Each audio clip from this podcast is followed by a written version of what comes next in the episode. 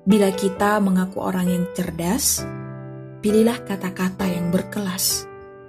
Jika kita mengaku orang yang cerdik, pilihlah kata-kata yang baik. Bila kita mengaku santun, pilihlah kata-kata yang tertuntun. Dan bila kita mengaku sopan, maka pilihlah kata-kata yang menyejukkan.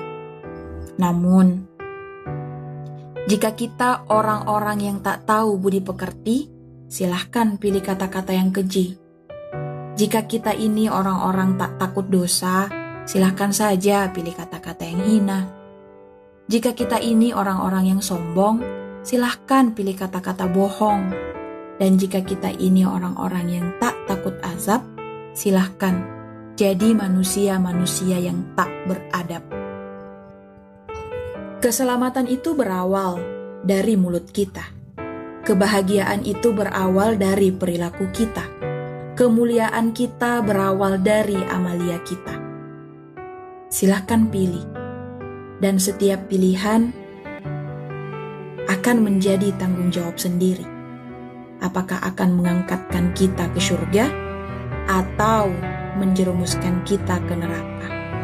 Semoga kita terjaga dari perbuatan yang menghadirkan murka Sang Pencipta dan kelak terselamatkan karena amal kita.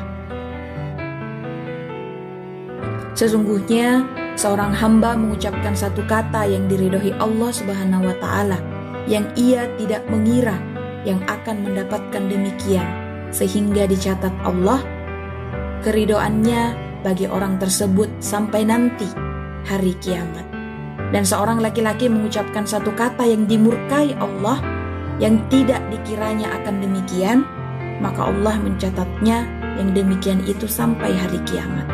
Hadis riwayat Tarmidhi.